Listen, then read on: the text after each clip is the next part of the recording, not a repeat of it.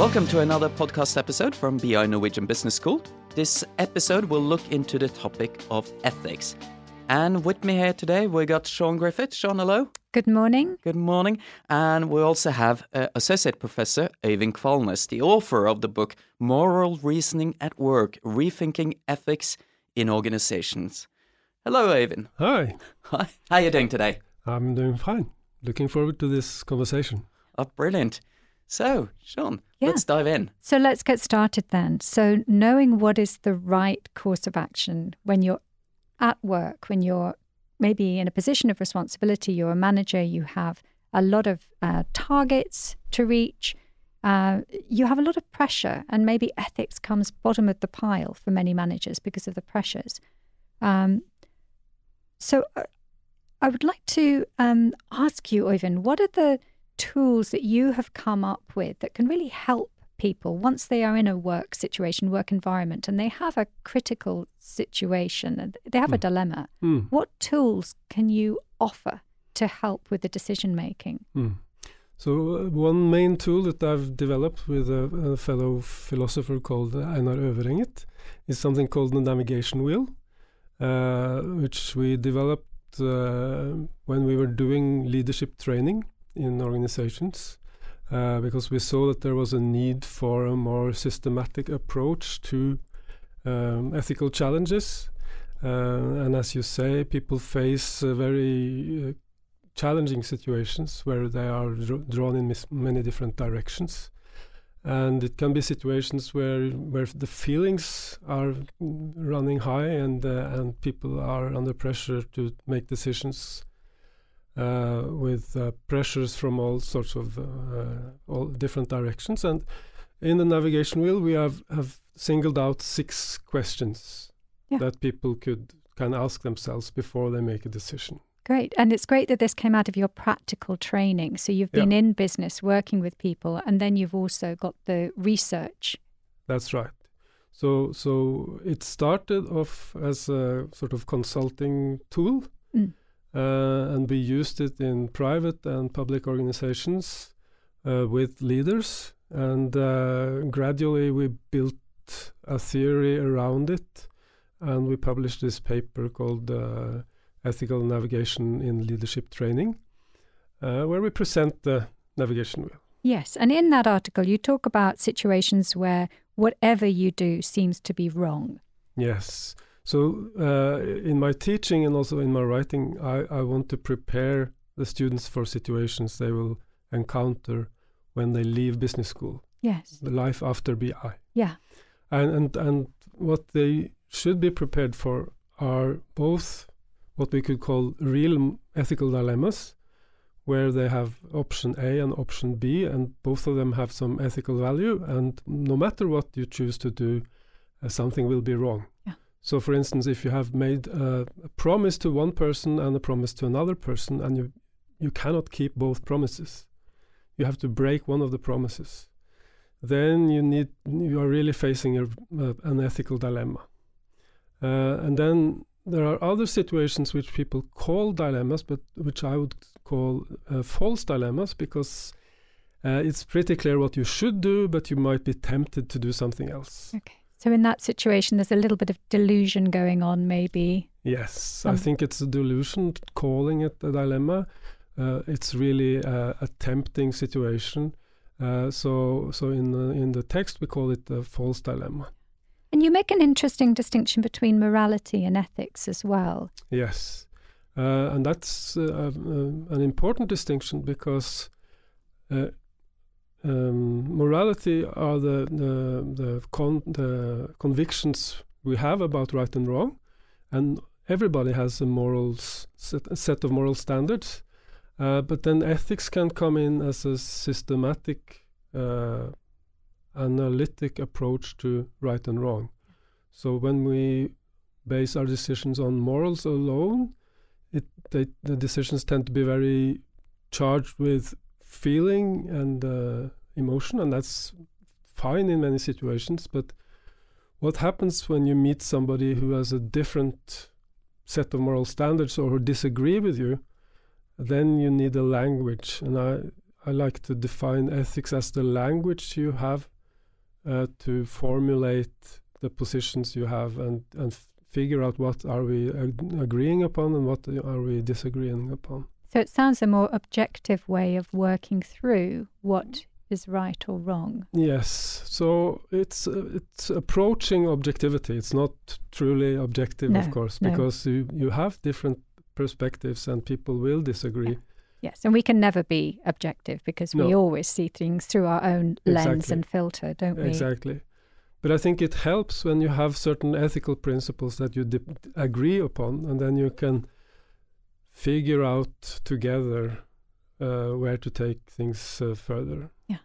So perhaps we can go back to this wheel and then we can let's apply the wheel in practice. Now the Yeah. wheel is divided into six segments. Yeah. Um, can you take us through the wheel and where Yeah. would you where would you start?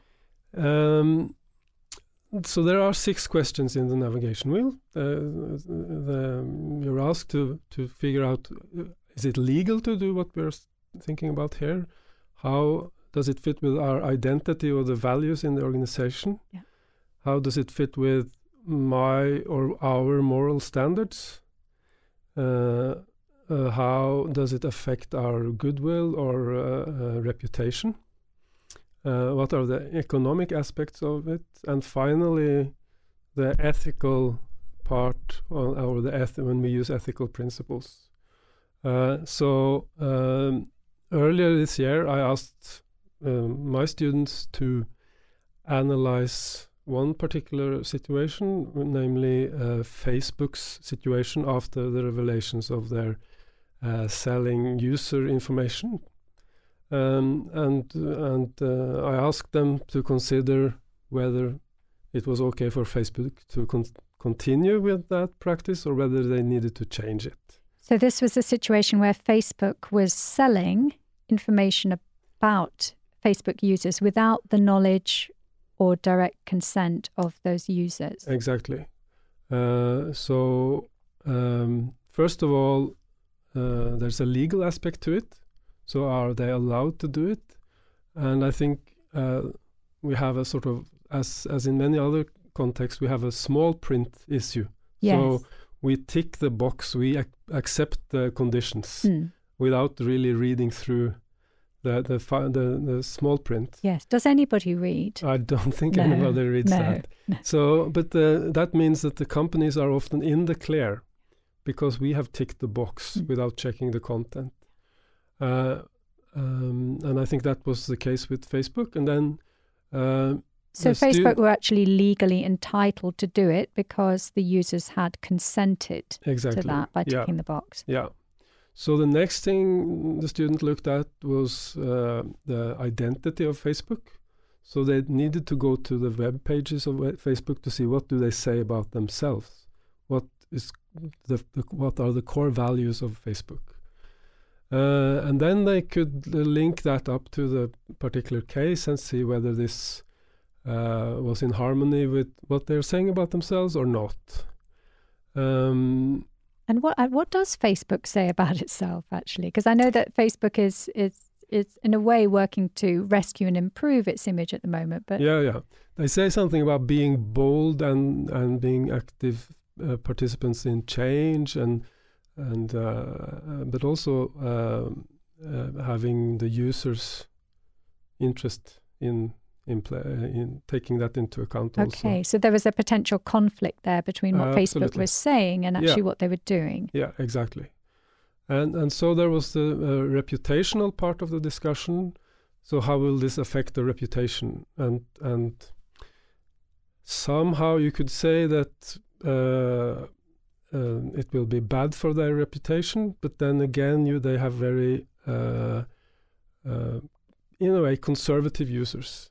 So uh, the the criticism will last for some time, but then people have the habits of using Facebook, so that it it hasn't really affected them all that badly. Right. So um, when I did this as an exam assignment, the best students would write that yes, this appears to have a reputational cost, but does then again does it really have a reputational cost because people are conservative and people forget and all these things. Yes. Uh, Does it have something to do with the age of the users as well, do you think? Because there I does seem so. to be less concern now about privacy Yeah. amongst younger Yeah. users than, than older generations who are more concerned about um, protecting their Yeah. personal privacy. Absolutely, and, and I found that in the exam as uh, papers, that the students are saying that well, everybody knows that this goes on, and that you use Facebook for free, and what you're paying with is your user information.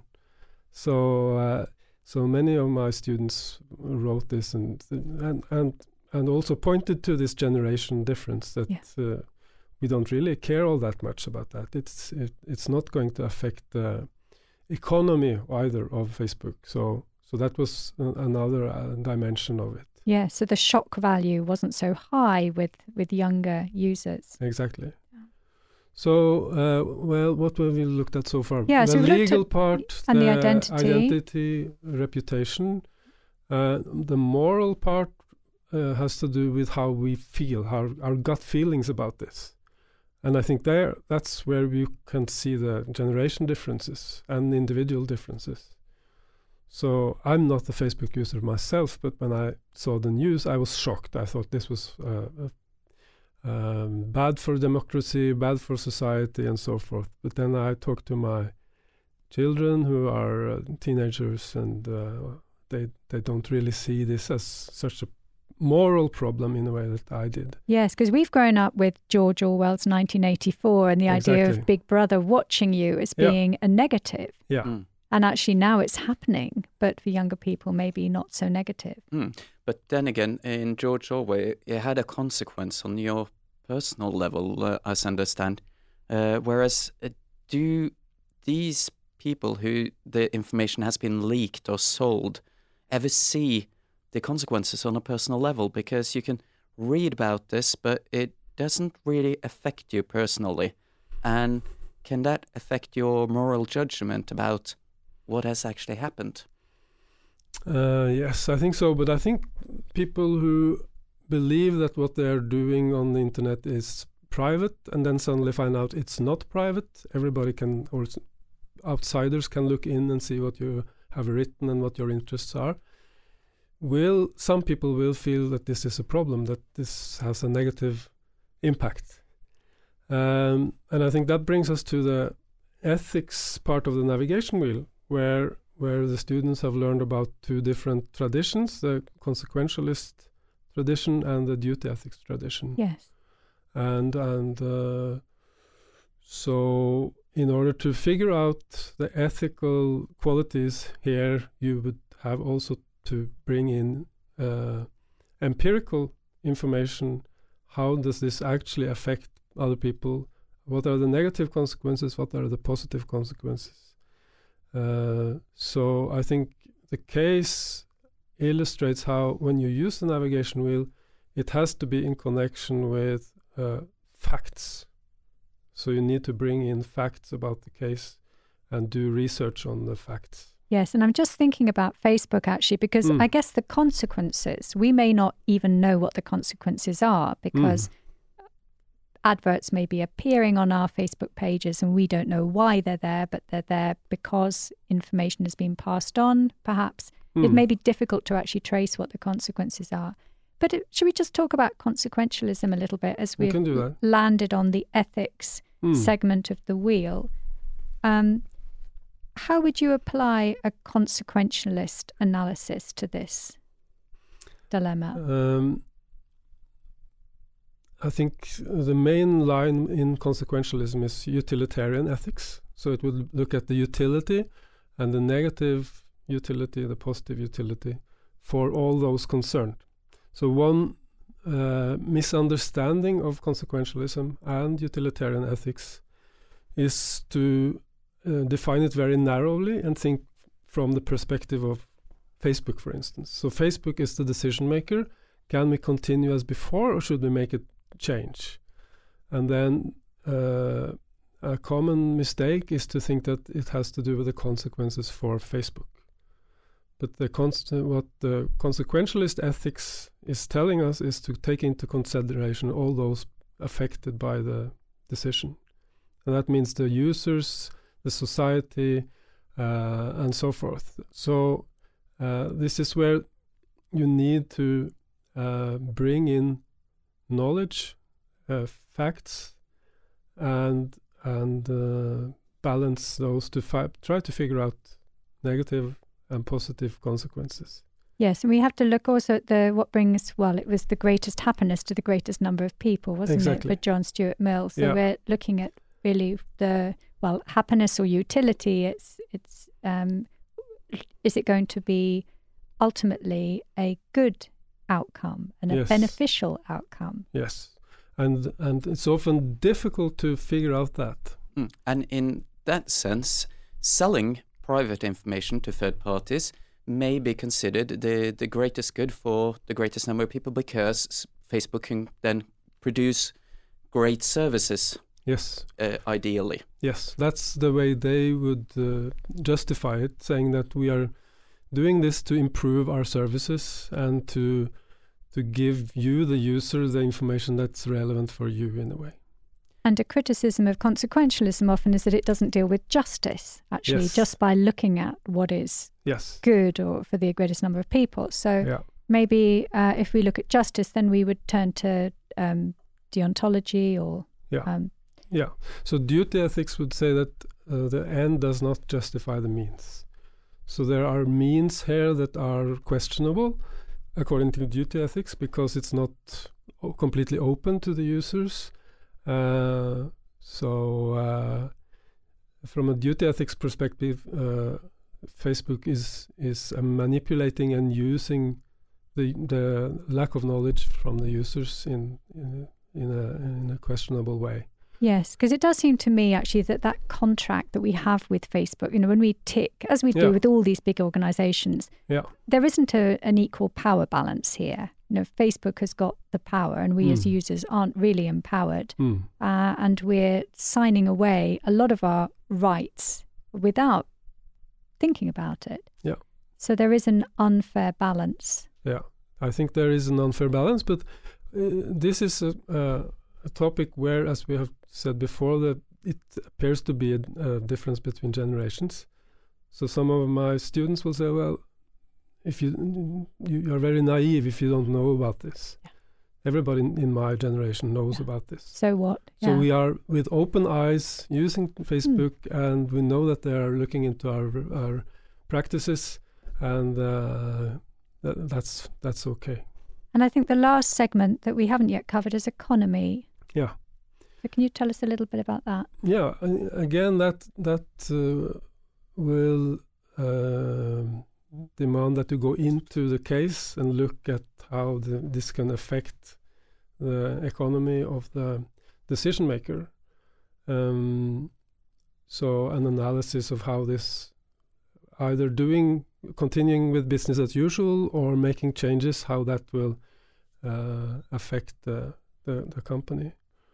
Um, so, in the exam papers, there were some very interesting discussions about whether uh, Facebook should fire uh, the, the owner or the, the CEO and, and have a completely ch- complete change of ownership or, or, or of leadership. I mean, uh, because that's what some companies tend to do when they are in a crisis to get out of the crisis uh, with their uh, reputation intact, they will make such a uh, drastic uh, take such a drastic step. But the um, the tendency in the in, in the papers I was reading was that uh, the students did not think that this was necessary in this case.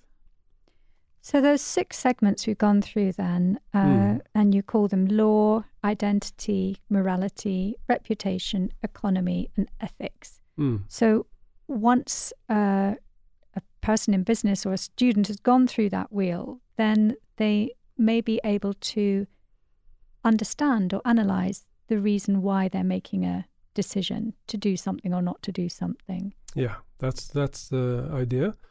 Um, but I think in some cases you will see that the main tension is between two of the questions in the navigation wheel. So it could be between identity and economy, for instance. So a company can face a difficult time, and and you can see we can either go bankrupt economically, or we can go bankrupt on our values in a way, and continue to live economically. Mm. So it might not be necessary in every case to focus uh, on each of the six questions or, or, each of the six dimensions, but uh, some cases clearly have a tense tension between two or three of these elements. So your starting point in the wheel may be different from case to case, depending yes. upon what the key facts yes, are. Absolutely, and uh, I sometimes get questions about prioritizing, and I say it's uh, uh, an open question how you should prioritize. Sometimes it's the legal aspect which is the most important. Sometimes it's the identity part, and sometimes it's the ethics part. Yes. And I think it's very helpful to think, yeah, law and ethics are not the same because I think people also confuse that. You know, they think if it's legal, then that's ethically yeah. the right thing to do. And of course, it isn't. Mm. But maybe we could just step back from this because this is a tool for people to use in business. But why do we need to prepare our students? Why do we need to teach business ethics? Mm. Do we need to teach it? Uh, yes, I think I see it as very crucial in preparing students for life after BI, uh, because they will face situations where uh, uh, ethics come into play, uh, and they might be under pressure from their uh, leaders to do something that goes against their moral convictions. So that's why I, like to combine the knowledge about the navigation wheel with uh, moral psychology uh, which teaches us how quickly people uh, move away from their moral convictions. So you might initially be convinced that it's wrong to sell a product to to a client, which you don't really think is a good product. Uh, but then you see that everybody else is doing it, and you are pushed by your boss to do it, and then you end up with a habit of doing it yourself. Um, so those that that's situation which where we where you actually face fa a false dilemma. Should I uh, should I uh, advise my client to buy something that is really not a good product or not? Yes, and that also brings in the question of agency, doesn't it? And how yeah. actually we feel are we um, obliged to toe the line to do what our manager tells us or do we need to step in and say no this mm. is not correct mm. this the company doesn't doesn't share my values exactly so when you face a situation where you're asked to do something that goes against your values that might be the time either to to quit that job or to challenge the the, the, the order you get and see what happens when I do that uh, uh, but it can also be tempting just to go ahead. Yes, without actually yeah. thinking about it necessarily. And it's yeah. interesting also to look at neutralization techniques that we use to yeah. justify actions that are wrong, but we may explain, well, everyone else is doing it. I mean, that's a great way of doing something unethical because yes. we see that everyone else is doing it, so therefore it, yeah. we'll do it as well. Yeah. Um, so I did a study with a, a Icelandic philosopher called Salvör Nordal, where we looked at the events in Iceland leading up to the financial crisis there, and we were looking for signs of neutralization, and and we found plenty of that. So. Uh, financial advisors in Iceland uh, pushed very risky products onto their clients uh, and in the beginning, they had moral misgivings about it, but then gradually they were able to neutralize away that discomfort. And in the end, they were all doing it, and and justifying it by saying that well, everybody else is doing it, and uh, and we are pretty open about the, the information here, and the clients are asking for uh, risky products, so that's what they get from us. And uh, so I think human beings are uh, have a capacity to neutralize. To tell ourselves a story that will make us feel like it's all okay. Yes, yeah. exactly. And I've walked into the studio actually with the bottle of Fiji water, and Martin, you were telling me that that is an unethical consumer choice.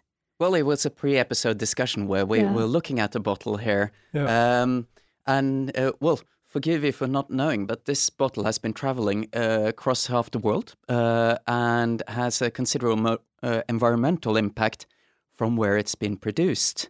So, Hmm. with not knowing, uh, sh- should we forgive you for not knowing, or wha- Well, I How hope you'll forgive me, but I no, but it but it just highlights for me how hard it is for us to make ethical choices because we may we may be thinking about ethics and Yeah. about behaving in an ethical way, and then I pick up a bottle of something that's travelled halfway around the world, Hmm. um, and I I make an unethical choice.